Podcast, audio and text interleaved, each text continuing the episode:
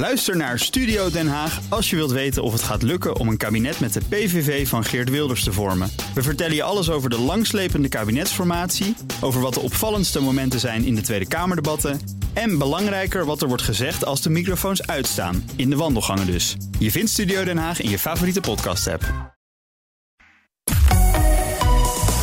BNR Nieuwsradio. The Big Five. Diana Matroos. Welkom bij BNR's Big Five van de rouw, waar ik vijf kopstukken uit de wereld spreek om te zien hoe we dat in Nederland doen, dat rouwen, en wat er beter kan. Eén ding is zeker, door corona rouwen we meer. Maar sowieso is het natuurlijk boeiend om eens wat dieper bij verlies stil te staan. Want waarom is het in onze cultuur toch zo lastig om over de dood te praten? Het is immers de enige zekerheid in ons leven. En hoe kan de rouw, en dat hoeft niet altijd de dood te zijn, maar kan bijvoorbeeld ook de diagnose zijn van een ernstige ziekte, verlies van financiële zekerheid of je relatie die stopt, je een stap verder brengen in het leven en dus ook iets positiefs zijn.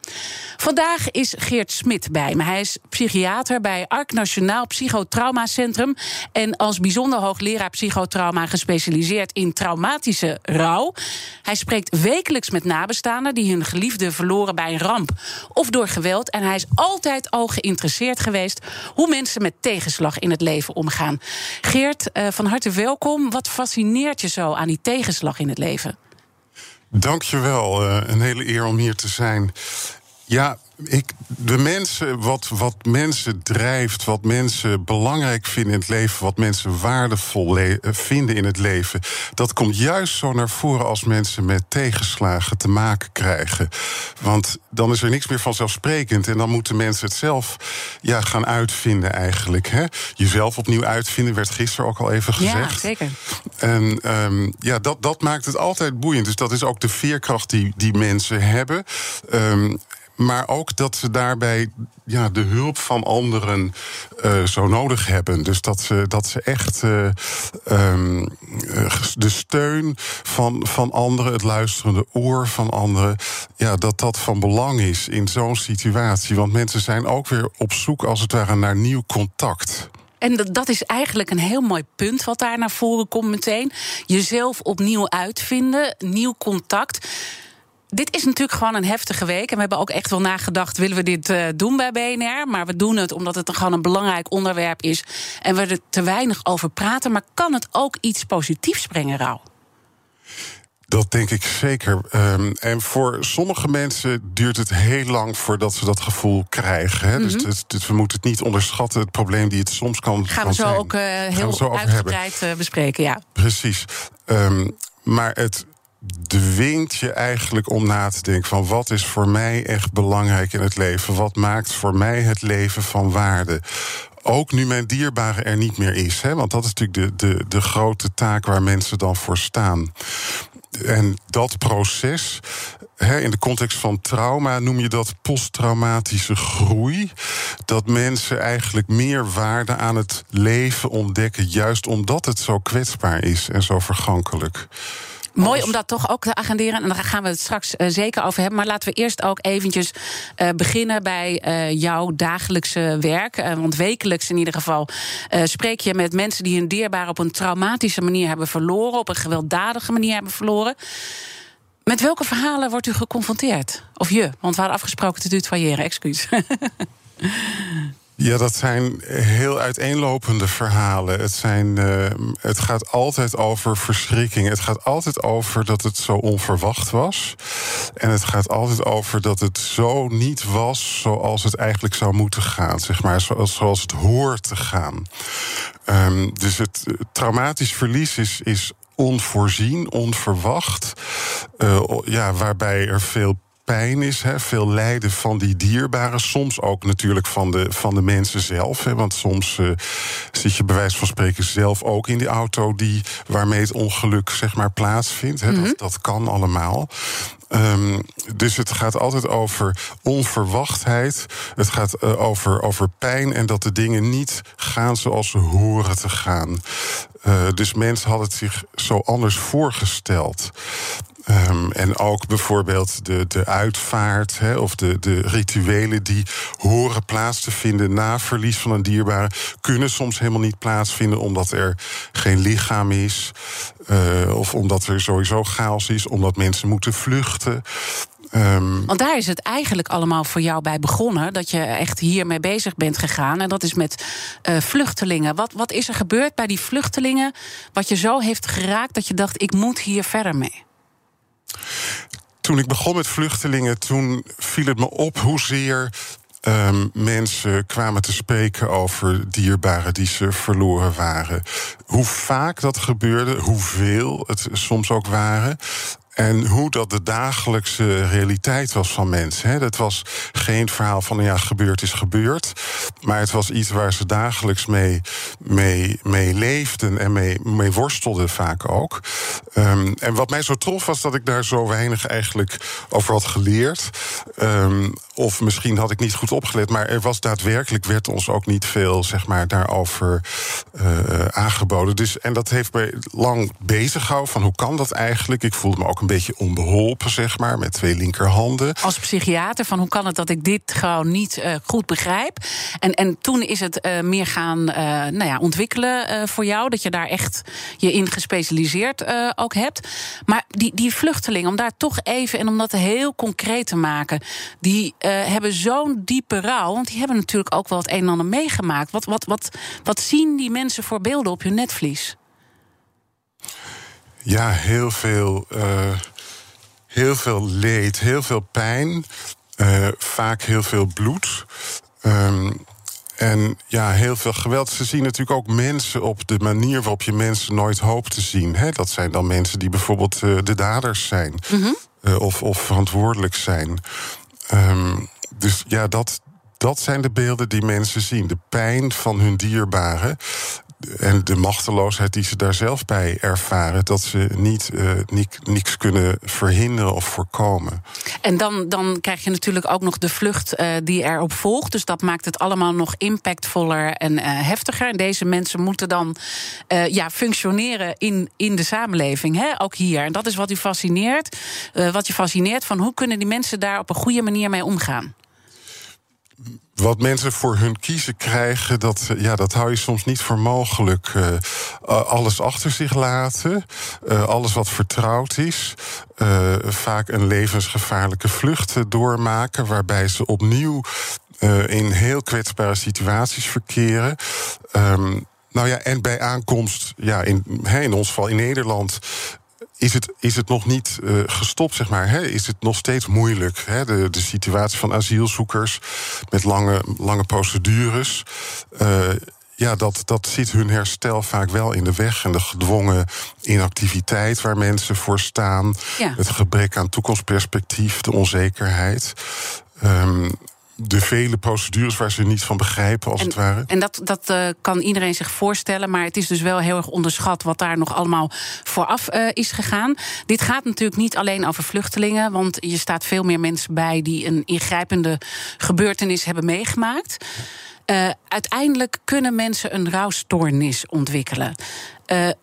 hoe groot is dit? Laten we daarmee beginnen. Hoe groot is dat probleem in Nederland? De meest recente uh, overzichten die daarover gemaakt zijn.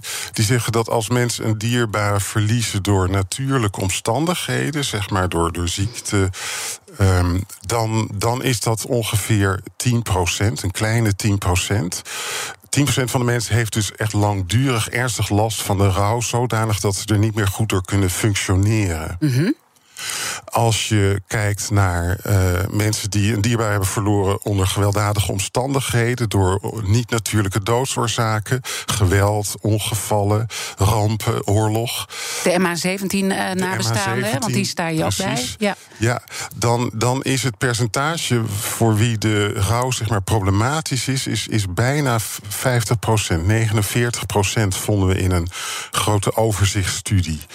Dus dat is echt een onvoorstelbaar deel. En ik denk dat laat ontzettend zien hoezeer de omstandigheden van het verlies, de omstandigheden van de dood van invloed zijn op de rouw die mensen ervaren als, uh, als ze nabestaanden zijn geworden. Dus die groep is veel groter die eigenlijk een, een rouwstoornis ontwikkelt. Hè? Want we begonnen net uh, bij uh, vluchtelingen. Ik noem ook even de nabestaanden van MH17. Maar dus ook mensen die nou ja, de, de, de nabestaanden zijn van iemand die door moord om het leven is gekomen, maar ook bijvoorbeeld een zwaar verkeersongeval. Al die groepen, ja, al die groepen zijn zeg maar, hebben verhoogd risico op problematische rouw. Rouw die lang aanhoudt, waar mensen lang echt last van hebben en, en niet goed er kunnen functioneren. Wat we bij de MH17-nabestaanden vonden, was dat op langere termijn was het zo'n uh, eh, 1 op de 5 mensen, dus wel iets minder dan dat getal van 49 procent, waarbij die rouwklachten maar door bleef gaan. En soms hebben mensen naast de hou nog andere klachten, bijvoorbeeld posttraumatische stress, depressieve klachten.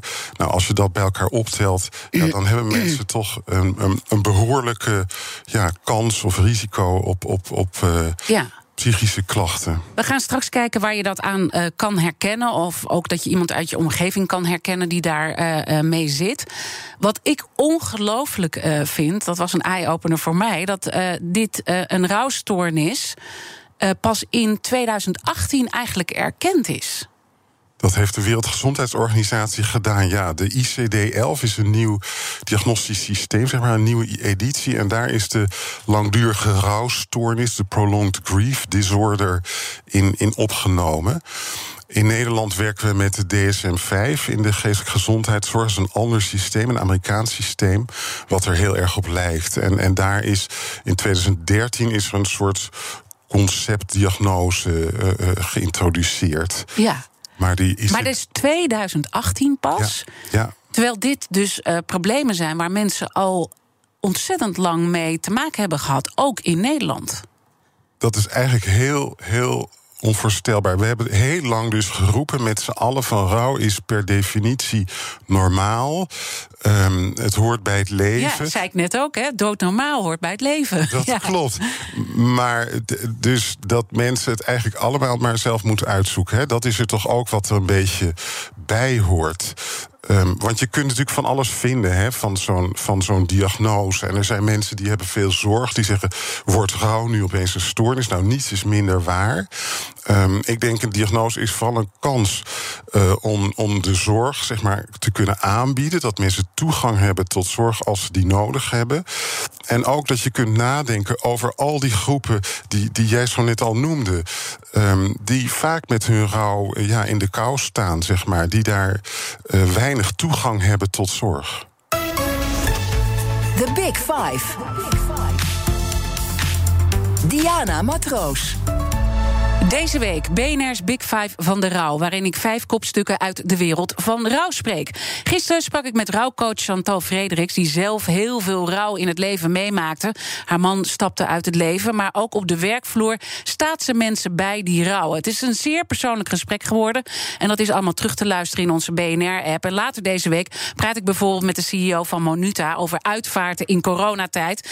Uh, want dat wordt allemaal heel erg anders en daar ga ik straks ook met mijn gast van vandaag over praten. Dat is Geert Smit. Hij is psychiater bij ARK Nationaal Psychotrauma Centrum. En als bijzonder hoogleraar psychotrauma is hij gespecialiseerd in rouw na rampen en uh, geweld. Hè. Maar het gaat bijvoorbeeld ook over uh, als iemand is omgekomen bij een uh, moord. Hè. Dat is natuurlijk ook een, een, een ramp, zou je kunnen zeggen. Maar er zitten heel veel verschillende gradaties in de mensen met wie, met wie jij spreekt. en wat je eigenlijk ook aangeeft, het is een veel breder probleem, een maatschappelijk probleem in Nederland, wat pas heel, recent wordt onderkend, ook uh, uh, wereldwijd. Als we kijken naar iemand die een rouwstoornis heeft, uh, waar merk je dat aan? Mensen voelen gemis en verlangen op een heel sterke manier. Je zou het kwellend kunnen noemen. En mensen zijn eigenlijk steeds bezig met die dierbare die overleden is. Dat noem je wel preoccupatie. Dus mensen zijn in gedachten daar voortdurend mee bezig. Of in ieder geval grote delen van de tijd. Soms gaat het ook specifiek over de omstandigheden waaronder die dierbare aan zijn of haar einde is gekomen. Dat mensen daar voortdurend mee in gedachten zijn. Mensen hebben het gevoel dat een deel van zichzelf is, is, is gestorven, zeg maar, samen met hun dierbaren. Mensen hebben weinig um, uh, hebben moeite om, om nog met de toekomst bezig te zijn. Om activiteiten en interesses op te pakken. Om, om nieuwe relaties of vriendschappen aan te gaan. Dus het is een heel, ja, het is een heel breed scala van reacties die eigenlijk alle rouwenden. Uh, wel zullen herkennen. Dus ja. het is eigenlijk altijd uh, er is geen rouwreactie die, die bij de rouwstoornis hoort waarvan je zegt dat is, dat is abnormaal. Het zijn allemaal normale reacties. En je spreekt, mag spreken van een stoornis als mensen er heel langdurig last van hebben. En als ze er ook heel veel last van hebben. Dus dat het hun functioneren in de weg staat. Op een manier die ook zeg maar, binnen de, de cultuur en de omgeving ja, niet, niet als passend of, of, of normaal wordt gezien. Want, want hoeveel mensen raken bijvoorbeeld hun baan kwijt? Als je kijkt naar mensen die een rouwstoornis hebben, naar die groep, wat dus een veel grotere groep is eh, dan wij denken in Nederland. Hoeveel, hoeveel mensen raken hun baan kwijt? Ja, we hoorden daar gisteren ook informatie over. Hè? En, en daar. Uh, uh, dat, dat ongeveer een kwart niet meer terugkomt op het werk. En dat de gemiddelde duur van de uitval. Uh, uh, ja, dat was zo'n beetje een half jaar. ik, ik moet zeggen dat ik die cijfers daar zelf niet, niet dagelijks niet ook over naga. Nee. Maar, maar dat zijn dus hele schokkende, ja, grote cijfers. En die denk ik onderstrepen dat um, het soms echt een probleem is, zeg maar. Dus de legitimiteit van daar, daar zorg aan besteden en daar ook gelegenheid creëren dat mensen die zorg krijgen, nadenken over uh, compensatie, uh, nadenken over verlof. En met name ook nadenken over wat hebben die mensen nodig? Hoe ga je er goed mee om? Uh, nou, gisteren hoorden we daar hele belangrijke, essentiële dingen over hoe je dat op de werkvloer he, kan doen. Vraag naar mensen hun rouw. Uh, geef mensen de ruimte voor hun emoties om dat daarover ja, te praten. Maar we vinden het niet echt een fijn onderwerp in uh, Nederland. Hè? Het is een taboe. Ja, ik heb me ook zitten afvragen van waar heeft dat nou mee te maken? En ik kan me voorstellen dat het te maken heeft met dat wij dood zien als niets. Hè? Veel mensen zien dood als niets. Um, dat is niets is iets heel onaantrekkelijks en eigenlijk iets heel angstaanjagends ook. Dus ik denk dat dat vaak um, ja, is wat, wat, wat een beetje de afschuw ook voor, voor dood veroorzaakt. Er zijn culturen hè, waarbinnen er heel veel ideeën zijn, heel veel verbeelding over hiernamaals. Uh, dingen die, hè, rituelen, ook soms verplichtingen gebruiken. Ja, dat geeft meer plek aan die dood, zeg maar. dat maakt de dood vaak ook veel zichtbaarder. Uh, dat mensen ook in bepaalde kleding uh, zich kleden als, als in de rouw ik, ik kan het zelf uh, altijd, en, en de, dit gaat dan niet om rouw naar rampen en zo. Hè, maar als ik zelf kijk, um, ik, ik, ben wit, ik ben zwart, zeg ik altijd maar. In de Surinaamse familie, daar ja, gaan we echt ja, dansen met de kist. Hè, en een heel groot orkest over straat. En dan de, de kant van mijn moeder, de witte familie, dat is altijd heel stemmig. En daar zie je hele grote verschillen al. Uh, ja, waar ik mee uh, geconfronteerd word. Ik denk, ja, ik vind, het altijd, ik vind het allebei mooi. Maar het is wel totaal anders natuurlijk. Het ene is veel meer feestelijk. Je viert iemand zijn leven. Ik vind dat prachtig, ja, als je dat ziet, dat, dat dansen. Inderdaad, wat je zegt, het leven vieren en de, ja, de schoonheid en de waarde van het leven. Ook ja. eigenlijk door die vergankelijkheid, ja. Ja, um, um, oké, okay, dus je ziet dus um, nou ja, de, hoe dit tot hele grote problemen uiteindelijk in iemand uh, zijn leven uh, kan, kan, kan zorgen. Het komt soms ook best wel laat dat dit tot een stoornis komt. Ja, dat is denk ik een onderbelicht uh, probleem. En um, juist als het verlies zeg maar traumatisch geweest is, dus onder gewelddadige omstandigheden zeg maar, dan komt dat voor dat, dat de klachten, dat mensen eerst echt in een overlevingsstand als het ware staan. Um, en vooral doorgaan met alles wat er moet gebeuren. En dat is nogal wat he, na het verlies van, van iemand. En zeker uh, onder gewelddadige omstandigheden, de juridische nasleep enzovoort. Dus mensen staan eerst in de overlevingsstand en die gevoelens komen pas later, als, als het stof is neergedwarreld, bij wijze van spreken. Um, En ik denk dat is belangrijk dat dat, dat gezien wordt. Dat en, mensen... en zitten daar ook nog verschillen bijvoorbeeld ehm, tussen wat je hebt uh, meegemaakt... of uh, hoe je omgeving in elkaar zit... of dat je een man of een vrouw bent of een kind? Zitten daar verschillen in? Ja, en... Um eigenlijk rouw wordt uh, beïnvloed door inderdaad individuele factoren, zoals uh, ben je een man of een vrouw, uh, je leeftijd, dat soort zaken. Wat heb je eerder aan verlieservaringen meegemaakt in het leven? Um, het heeft te maken met de sociale omgeving. Ervaar je steun? Is er steun beschikbaar? Maar ook de bredere sociale dingen, inderdaad, economisch, juridisch. Hoe gaat dat allemaal in zijn werk? Hoe is de nasleep?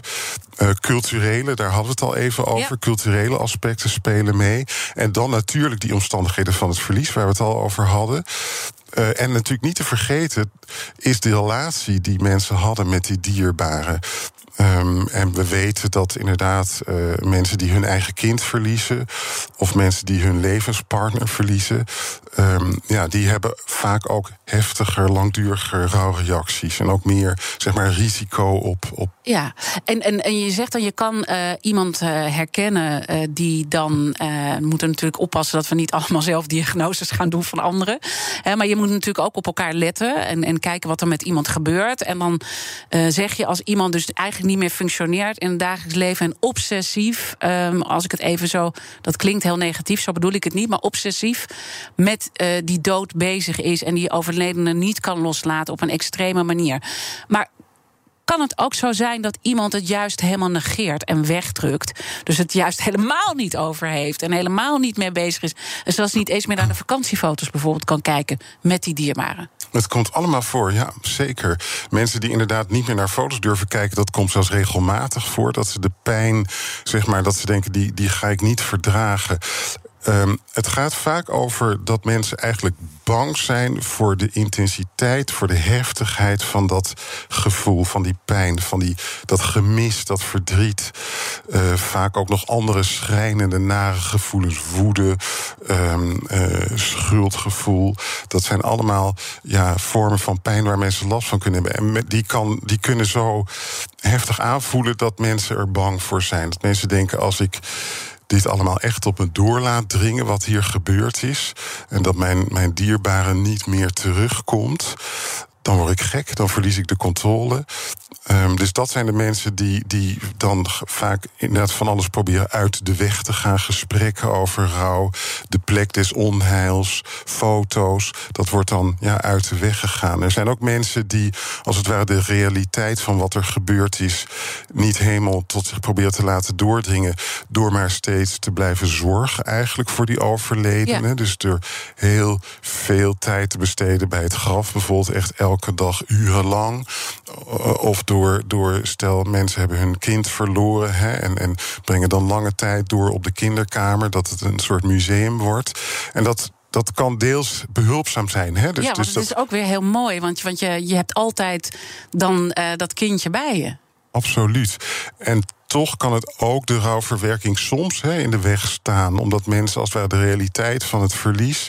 en van dat hun kind niet meer terugkomt, dat hij nooit terugkomt... dat ze dat daarmee als het ware ja, proberen op een afstand te houden. Um, laten, we straks, uh, laten we straks verder praten, want uh, het, het zijn allemaal hele heftige gebeurtenissen. En ik kan me ook zo voorstellen dat mensen nu luisteren en dat misschien uh, zelf ook op een bepaalde manier hebben meegemaakt. Dus het is ook best heftig om daar naar te luisteren. Maar laten we straks praten hoe je die mensen beter kunt steunen. wat ze zelf het beste kunnen doen. En ook als gevolg van corona weten we in ieder geval dat we meer rouwen. Maar waar je ook voor waarschuwt, er gaan meer rouwstoornissen ontstaan. En daar Daarover straks meer in BNR's Big Five van de Rouw. BNR Nieuwsradio. The Big Five. Diana Matroos. Welkom bij het tweede half uur van BNR's Big Five. Fijn dat je weer luistert.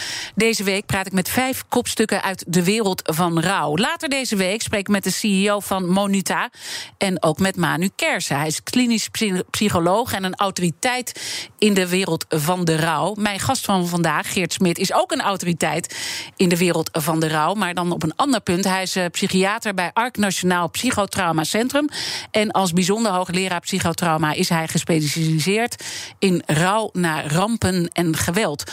En we spraken net al even over rouwstoornissen, hè, die mensen dan uh, na zo'n uh, ramp of na geweld uh, kunnen ontwikkelen. En dat dat echt wel een onderschat probleem is in Nederland. En dat het ook veel breder eigenlijk speelt uh, dan alleen uh, grote rampen. Hè. Dat het veel, en dat gaan we straks ook over corona uh, bespreken. Toch vind ik het nog belangrijk om nog even een verschil te benoemen met je. Het verschil tussen een trauma als gevolg van rouw of een rouwstoornis. Is dat een verschil en zo ja, wat?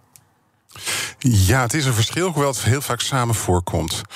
En het verschil gaat erom dat bij trauma hebben mensen last van herinneringen aan een levensbedreigende gebeurtenis, een traumatische gebeurtenis.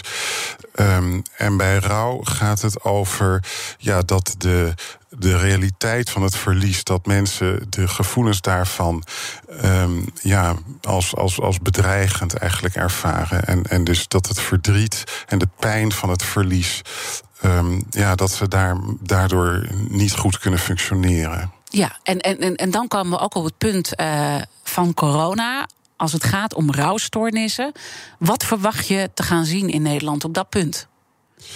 Ja, daar heeft uh, Maarten IJsma en, en andere betrokkenen hebben daar uh, al heel vroeg uh, gegevens over. En wat je daar zag, is dat, um, ja, dat rouwreacties gemiddeld ernstiger zijn bij nabestaanden die dus met verlies door corona te maken hebben gehad, um, dan bij nabestaanden die met andere, door andere ziekten, zeg maar, hun dierbaren hebben verloren. Um, en eigenlijk was dat vergelijkbaar met gewelddadige vormen van verlies in die coronagroep. Dus de corona-nabestaande groep, die hadden rouwreacties van een intensiteit die, die vergelijkbaar was met, met rouwreacties van nabestaanden na gewelddadige verlies. En dan, uh, dan denk je gewelddadige uh, verliezen, dat is natuurlijk heel anders uh, als je dat meemaakt dan door corona. En toch zijn er overeenkomsten. Welke overeenkomsten zitten daar? De onverwachtheid, de onvoorbereidheid. Het is toch meestal heel plotseling. Um, de, de eenzaamheid vaak ook van, van de situatie. Eigenlijk geen afscheid, of heel moeilijk of heel beperkt afscheid. Uh, het lijden natuurlijk van het dierbare, juist door die isolatie, door die eenzaamheid. Um, ja, het ontbreken van, van, van veel rituelen die, hè, en ook de steun die alleen maar op afstand is. En ik denk wat bij corona ook uh, zo, zo kan spelen, is dat mensen denken: ja, heb ik mijn dierbare besmet, zeg maar. Dus dat mensen uh, zich ook schuldig kunnen voelen over.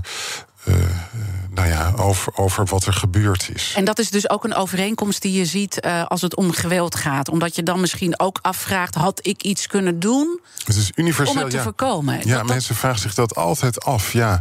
En mensen kunnen de kleinste dingen van had ik maar niet uh, s ochtends iemand de deur uit laten gaan. Hè, kunnen mensen al voelen als van kijk, het is mijn schuld dat het allemaal misgelopen is. Dus dat kan voor een buitenstaander echt uh, ja, overdreven, zeg maar, lijken. Maar dat dat is wat, we, wat mensen voelen als ze eigenlijk zorgen voor hun dierbaren. Hè? En als ze het leven van hun Mhm. dierbaren zien als hun taak, zeg maar. Als hun Ja. doel in het leven. Ik zal later deze week zal ik met eh, Manu Kersen zal ik spreken. Hij is, eh, nou ja, zoals ik ook al zei, eh, net zoals jij, ook echt een autoriteit binnen de wereld van rouw als klinisch psycholoog. En hij zegt juist die schuldgevoelens, ja, die moeten we ook accepteren dat die er zijn. Want het zegt ook iets over het mooie wat je met zo iemand hebt gedeeld. Iemand is dierbaar voor je en daarom voel je je schuldig. En dat moeten we accepteren. Ik denk dat dat een goed punt is. Ja, ik Ja? denk dat, dat uh, die schuldgevoelens zijn ook een realiteit. En juist omdat het, een buitenstaander staander kan natuurlijk heel makkelijk denken van ja, dit, je, je hoeft dit jezelf niet te verwijten. Ach nee, het is niet jouw schuld. En dat is natuurlijk ook waar. Um, maar toch als mensen echt het zien als hun, hun, hun taak om bijvoorbeeld hun eigen kind hè, in leven te houden. Um, ja, dan, dan, dan hoort dat schuldgevoel er wel bij. Um, Ja, en, en dus- dan is een soort accepteren voor dat dat, dat erbij hoort, is, is denk ook een ik manier ook om belangrijk. verder te, te, eh, te Wel, komen. En we ja. komen straks natuurlijk ook op eh, nou ja, wat nou de beste behandeling is. Hè, op het moment dat je echt die rouwstoornis ontwikkelt. En natuurlijk probeer je hem te voorkomen. Hè. Dus dat is ook eh, goed om te benoemen. Maar het kan dus gebeuren, ook als gevolg van corona. Verwacht je dus dat er een groep nog gaat komen? Want duurt dit ook wat langer voordat het zich gaat uiten in onze samenleving? Ja, voordat je in ieder geval uh, van, van mogelijke rouwstoornis mag spreken, moeten er sowieso zes maanden of zelfs twaalf maanden verstreken zijn, zeg maar, sinds het verlies. Um, dus dat de, de, sowieso zal het zich op die manier pas na, na langere tijd kan je er echt van spreken. Um, maar het kan ook heel goed zijn dat we veel rouw inderdaad nog niet zien. Veel mensen die met verse rouw zitten zijn ook een beetje schuw. Hè? Die, die ja, trekken zich toch eerder wat terug. En die zoeken de, ja, het gezelschap niet op. En, en bovendien in deze, rouw, in deze coronaperiode mag dat ook niet. Nee, nee, dus dat wordt daardoor nog moeilijker. Want dat is natuurlijk een ander punt ook wat je benoemde. Die uitvaarten. Ik bedoel, en, en het, de manier van afscheid nemen. Ik lees afschuwelijke verhalen van mensen die hun dierbaren uh, in het ziekenhuis hebben moeten afgeven. Uh, diegene, nu, nu, verandert dat iets in, in, in deze eh, verdere lockdowns. Hè, maar in die eerste periode weken iemand niet hebben kunnen zien. en daarna in een ruimtepak van elkaar afscheid uh, moeten nemen. Dat is natuurlijk. Afschuwelijk. Echt afschuwelijk. Ja, ja. Hè, dus dan, dan, dan kan je ook voorstellen dat dat zo confronterend is. dat, dat het in een stoornis uiteindelijk kan ontaarden. Dat denk ik ook, dat denk ik ook. En, en je noemde net even um, over van is het, hoe zou je het eigenlijk kunnen voorkomen? Hè? Ja. En ik denk dat um, wat, we, wat we ook vonden is van die, die onvoorbereidheid, die onverwachtheid. Hè, dat is vaak ook wat, wat meespeelt. Dus mensen zijn zo overvallen. En mensen hebben het gevoel van ik heb geen afscheid kunnen nemen. Um, en wat, ik, wat denk ik van belang is, is dat we kunnen um, met elkaar in gesprek zijn over, dus met onze dierbaren, zeg maar, in gesprek zijn over van wat zijn jouw zorgen en wat zijn ook jouw wensen omtrent jouw levenseinde. Ik denk in zo'n situatie van een pandemie is dat een goed en belangrijk gesprek om te voeren. Maar... Terwijl eigenlijk uh, wil je dat als uh, samenleving natuurlijk uit de weg gaan, want we vinden het al een taboe onderwerp. Ja, het is En nu komt de dood nog dichterbij. Ja, ja. Ja. En, en, en toch zeg je, we moeten veel meer met elkaar gaan praten daarover. Ja, dat zeg ik. En, en ik denk dat dat zal bijdragen aan, zal kunnen bijdragen aan dat mensen Um, ja, iets minder overvallen worden door, door hun rouw. En dat vind je ook in onderzoek dat als er in een, zeg maar, een terminale situatie, bijvoorbeeld bij een kankerpatiënten, hè, met, met in een terminale situatie, als er openheid kan zijn over het naderende levenseinde, dan is dat eigenlijk een beetje in belang van die nabestaanden. Um, want dat maakt hun rouw voor gemiddeld gesproken iets, iets minder scherp. Um, ja, maar, maar, maar, maar, dus ook al um, gaan voorbereiden op het moment dat er nog niks speelt. Dat je eigenlijk gezond bent. Ik denk dat je dat zou kunnen overwegen. Ja, ik denk dat we dat gesprek daarover ja, te vaak uit de weg gaan. Natuurlijk is het een ongemakkelijk gesprek. Ja. Um, maar het is denk ik ook een heel waardevol gesprek. Omdat je het, een, een relatie wordt ook waardevoller als je realiseert dat die niet uh, oneindig zal zijn. Hè? Ja. Maar, ehm. maar hoe moet je dan zo'n gesprek aangaan? Want ik vind het dan zelf ook best wel spannend om daar uh, over te praten? Ik bedoel, uh, moet je gaan praten hoe je je uitvaart uh, wil als het zover is? Of... Dat kan. Ja, ben je er veel mee bezig ook? Met, met, hè, met de mogelijkheid dat je zelf uh, de situatie niet gaat overleven? Of, of ben je veel bezig met je eigen hè, levenseinde in gedachten? Um, en wat, ja, wat, hoe, hoe, wat hoop jij daar nou als, als je daaraan denkt? Hoe hoop je dat het zal gaan? Ja. En ook, ja, wat, wat maakt jou bang? Zeg maar, welk is... idee bezor ja. word je bezorgd over? Zeg maar, wat, hoe hoop je vooral dat het niet zal zijn. Ja, dus de angsten gewoon durven uh, delen met elkaar. Maar stel nou dat je iemand uh, ziet, bijvoorbeeld op je werk, waarvan je denkt dat gaat gewoon niet goed met zo iemand. Hè? Die, die verantwoordelijkheid bespraken we gisteren ook al met Chantal Frederiks. Die is als rouwcoach op de werkvloer um, ook mensen ondersteunt en leidinggevende ondersteunt. Maar heb jij daar nog tips bij als psychiater? Want wij zijn natuurlijk allemaal zelf geen psychiater. Ja. Maar hoe moet je nou dat gesprek met, met iemand aangaan die worstelt met rouw? Ik denk wat we veel meer zouden kunnen doen, is dat we mensen vragen naar hun rouw. Hoe gaat het met je rouw? Dat is een, denk ik een vraag die we niet zo makkelijk stellen, maar die mensen met die met rouw worstelen, zeg maar, die mee zitten, hebben vaak een soort antenne van: mag ik hier iets zeggen over mijn, mijn gevoel, over mijn verdriet, over mijn rouw? En niet dat ze dat per se altijd willen, hè, want er zijn ook mensen of situaties waarin mensen denken: nee, nu hoeft het even niet. Ehm, maar het, gevoel hebben dat het erover kan gaan en dat die ander daadwerkelijk wil weten hoe het met jou is en met jouw gevoel. Ehm, ja, dat is van belang. Dus daarmee kun je mensen steunen. Van hoe gaat het met je rouw? Hoe is het met jou en met je rouw? BNR Nieuwsradio. The Big Five. Diana Matroos. Je luistert naar BNR's Big Five van de rouw. Mijn gast is Geert Smit. Hij is psychiater bij ARC Nationaal Psychotraumacentrum. En hij is als bijzonder hoogleraar psychotrauma uh, gespecialiseerd in rouw na rampen en geweld. Uh, maar we praten nu over corona. En uh, daarin verwacht je dat er veel meer rouwstoornissen zullen komen in Nederland. Dat duurt altijd een aantal maanden voor hem, minimaal een half jaar, zo niet langer. Dus we zitten nu een beetje in het moment dat het begint te komen. Uh, misschien ook wel mooi om daar de kettingvraag ook eventjes uh, um, bij te pakken. Want onze gasten stellen elkaar kettingvragen. En in de vorige aflevering was hier rouwcoach Chantal Frederiks. haar naam viel al een aantal keer. En zij had ook een belangrijke vraag gerelateerd aan corona. Nou ja, hij gaf zelf al aan in zijn ziet dat er weinig onderzoek is gedaan naar jongeren. Hoe denkt hij dat wij die jongeren die de toekomst hebben en die wij verder moeten begeleiden, um, hoe kunnen we die ondersteunen in hun verliesverwerking? Um, zij lijken, hè, wat ik al zei, zeker in deze coronatijd tussen wal en schip te raken. Dus ik zou hem willen vragen hoe hij hen denkt verder te kunnen helpen zonder dat daar allerlei trauma's gaan ontstaan. Ja, ongelooflijk belangrijke vraag. En uh, ik uh, hoop ook uh, dat de scholen weer open zullen kunnen gaan. Ik denk, geef, geef jongeren een stem. Geef kinderen en jongeren een stem. Vraag ze naar hun rouw of naar hun gevoelens. over wat ze allemaal missen, wat ze niet kunnen. En hoe, ze dat, ja, hoe dat voor ze is. Um, ik denk als mensen nabestaanden zijn geworden. En dus ook worstelen met hun eigen rouw. En dan bedoel ik ouders. Um, ik vond het echt indrukwekkend om gisteren te horen hoe, uh, hoe Chantal Frederiks uh, dat heeft, heeft weten te doen. Um, er zijn natuurlijk mensen die door hun eigen rouw, eh, als ouders door hun eigen rouw om het verlies wat ze hebben ervaren, als het ware zo in beslag worden genomen dat ze weinig ruimte meer hebben of weinig oog meer hebben voor het rouw van hun kind, voor de rouw van hun kind.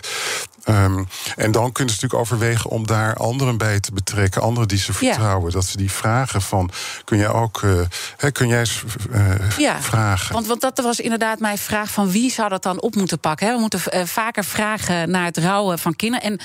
En is dat dan echt rouw in, in de breedte? Dus misschien hebben ze een dierbare kwijtgeraakt in coronatijd, maar ook gewoon het rouwen in wat ze nu niet meer kunnen? Is dat ook wat je bedoelt? Ja, Um, zeker, ja, ja. Juist in deze periode van, van, van de scholen die, die dicht zijn en, en de sociale uh, isolatie. Um, ja, er kan zoveel niet. Um, maar als het gaat over echt verlies, zeg maar, en dan bedoel ik door, door verlies van dierbaren, bijvoorbeeld doordat uh, ja, mensen door corona zijn omgekomen of door andere oorzaken. Ja, dan is het ook van zulk belang om, om de kinderen daarin een stem te geven. Ja. Um, dus, dus ook daar gewoon eigenlijk weer het gesprek aangaan, wat we zo ontzettend lastig vinden. Maar gewoon vragen naar iemand zijn rouw. Ja. Uh, uh, ook bij kinderen. Wat, Als, ja? Bij kinderen bijvoorbeeld, um, kinderen die geconfronteerd zijn met um, wat genoemd wordt intiem partnergeweld. Um, het is gelukkig niet een grote groep, maar wel denk ik een groep waar we veel vaker over ook uh, mm -hmm. uh, in gesprek moeten. Waarbij zeg maar de ene ouder de andere uh, heeft vermoord. vaak is dat dan de vader die de moeder heeft vermoord. Ja, daar, daar is uh, naar voren gekomen door onderzoek van Eva Alicic en anderen. Um, dat ook hun stem in van hoe, hoe ziet mijn leven er verder uit? Wie gaat er voor mij zorgen? Hè? Want mensen zijn eigenlijk dan hun beide ouders uh, kwijt. Um, dus ja, geef kinderen een stem. Ja. En, en luister naar hun rouw. Dus niet alleen uh, vragen stellen over de rouw, maar geef ze ook een stem in wat zij willen, wat er verder met hun leven dan. Absoluut daarna gebeurt, is, ja. uh, is uh, zeer uh, cruciaal. Kunnen we ook als samenleving nu in rouw zijn? Dat klinkt misschien een beetje gek, hè, want we hebben het over rouwstoornissen die we ontwikkelen doordat je een dierbare kwijtraakt. Bijvoorbeeld door corona hebben we nu ook geleerd. Daar kunnen we ook een rouwstoornis door ontwikkelen. Maar kunnen we ook als samenleving nu zo'n heftige tijd meemaken dat we nu ook daardoor alleen al een rouwstoornis kunnen ontwikkelen? Nou, niet volgens de, de letter, zal ik maar zeggen. Ja. Uh, als je praat over een rouwstoornis. Maar dat er in deze tijd dat veel mensen gevoelens ervaren die lijken op rouw, dat denk ik zeker. En soms is dat ook onwerkelijkheid. Hè. Zeker in die beginfase kan ik me dat van mezelf ook herinneren. Dat je denkt, ja, niets is meer zoals het was. Het, is, is het een droom? Ja. Dus het gevoel van onwerkelijkheid en ook echt enorm gemis Um, en natuurlijk sommige mensen. Mensen worden op heel veel verschillende manieren door deze crisis geraakt. En dat kan natuurlijk zijn financieel en zakelijk. Dat kan zijn door verlies van dierbaren. Um, dat kan zijn door, door verlies van werk, door verlies van studie of opleiding. Of, he, dus, dus er zijn zoveel vormen van verlies. Um, dus ik denk, ja, die, dat, dat is wel onze, onze collectieve rouw waar we voor staan.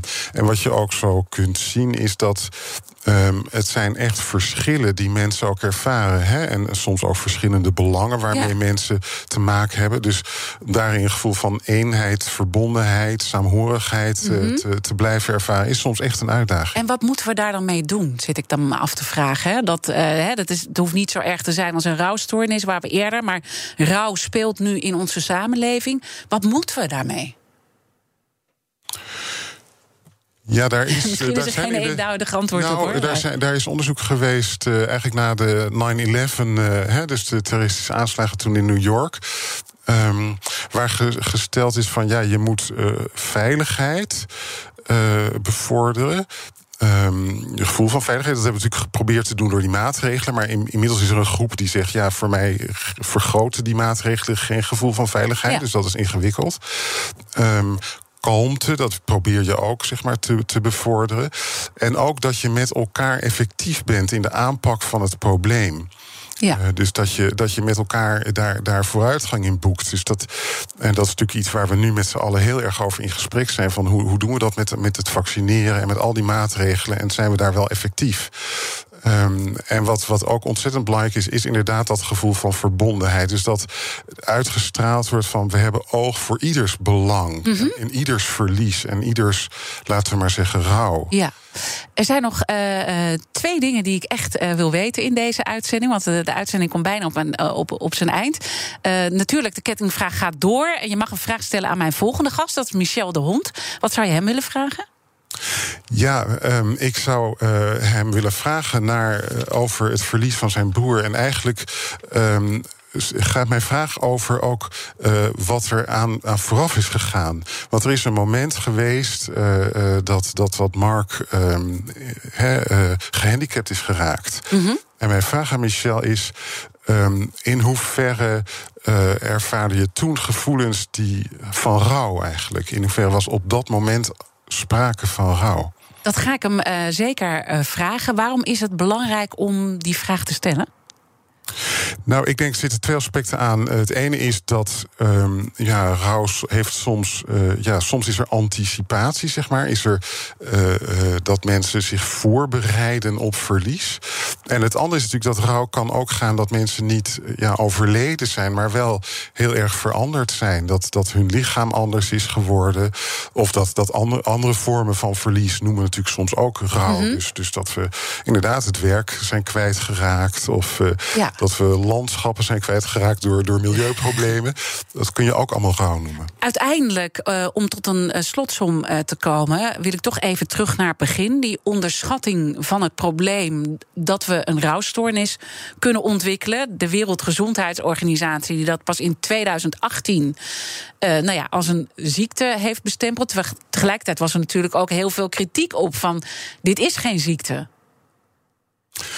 Ja, dat is een, eh, een verhitte discussie geweest. En die discussie zal gevoerd blijven worden. Er zijn ook grensbewakers. Wat je natuurlijk nooit wil uitstralen, is dat rouw een stoornis is. Precies. en het hoort dus ook bij het leven, hè? om daar maar ook weer Precies. bij het begin terug te komen. Ja. Precies. Rouw is, ja, inderdaad. Dus, dus, dus het, het gaat erom dat je erkenning wil geven en ook goed wil nadenken over de situatie en de belangen van mensen voor wie de rouw echt een langdurig ernstige beperking is in hun functioneren. En, en dat heb ik geleerd ook deze uh, uitzending. Dat dat dus veel vaker gebeurt dan dat we denken. Dus dat het in die zin uh, wel belangrijk is. Want deze mensen komen normaal misschien bij een, een psycholoog of een psychiater met depressieve klachten. En dan wordt eigenlijk gemist uh, dat daar uh, uh, gewoon dat dat al die tijd niet goed behandeld is, omdat het niet aan het licht is gekomen. Dus hoe kan je dat nou oplossen richting de toekomst. Uh, moeten we meer samenwerken met elkaar? Wat moet er gebeuren? Ja, een samenhangend zorgnetwerk voor traumatische rouw. Um, daar hoop ik uh, uh, dat, dat we dat met z'n allen zullen kunnen realiseren. Dus dat verschillende betrokken hulpverleners, uh, dat die elkaar weten te vinden, dat die elkaars taal spreken. Soms vergelijk ik het met het zorgnetwerk wat je rondom geboorte juist hebt. Hè? Met, met, met verloskundigen, met kraamzorg, met gynaecologen. Um, dat zijn, ja, die mensen weten elkaar goed te vinden. En dat zou je in dat de zou heel erg belangrijk uh, ja. zijn. En natuurlijk, uh, het allermooiste wat kan gebeuren in zo'n vreselijke gebeurtenis als rouw is dat je jezelf op een positieve manier opnieuw uitvindt. Uh, want ik heb zelf uh, ben grootgebracht door twee psychiaters. En die hebben me altijd geleerd. We hebben iets van zeven scenario's hoe je in het leven met dingen omgaat. En door een heftige gebeurtenis kan je daar echt ook een positieve draai aan geven. Ja, wat Lucebert zei is: uh, alles van waarde is weerloos. En dat de kwetsbaarheid, ja, dat kan ook een gevoel van dankbaarheid geven. Dat je dat, dat je toch hebt mogen ervaren en mogen meemaken. Nou, laten we met die uh, mooie woorden dan uh, besluiten. En de hoop dat uh, mensen dat gevoel in ieder geval ergens kunnen vinden. Dank Geert Smit, psychiater bij Ark Nationaal Psychotrauma Centrum. En als bijzonder hoogleraar psychotrauma is hij gespecialiseerd in rouw naar rampen en geweld. Um, zoals vluchtelingen die verschrikkelijke dingen meemaken. Maar ook de nabestaanden van MH17. Alle afleveringen van BNR's Big Five zijn zoals altijd terug te luisteren. Je vindt de podcast in de BNR-app en op bnr.nl. Maar natuurlijk blijft BNR de hele hele dag live. Straks Iwan Verrips met BNR Breekt. Ik wens iedereen een hele mooie dag. Ook Harm Edens vind je in de BNR-app. Je kunt BNR Duurzaam niet alleen live luisteren in de app, maar ook terugluisteren als podcast, zoals al onze podcasts. En naast dat de BNR-app Breaking News meldt, houden we je ook op de hoogte van het laatste zakelijke nieuws. Download nu de gratis BNR-app en blijf scherp.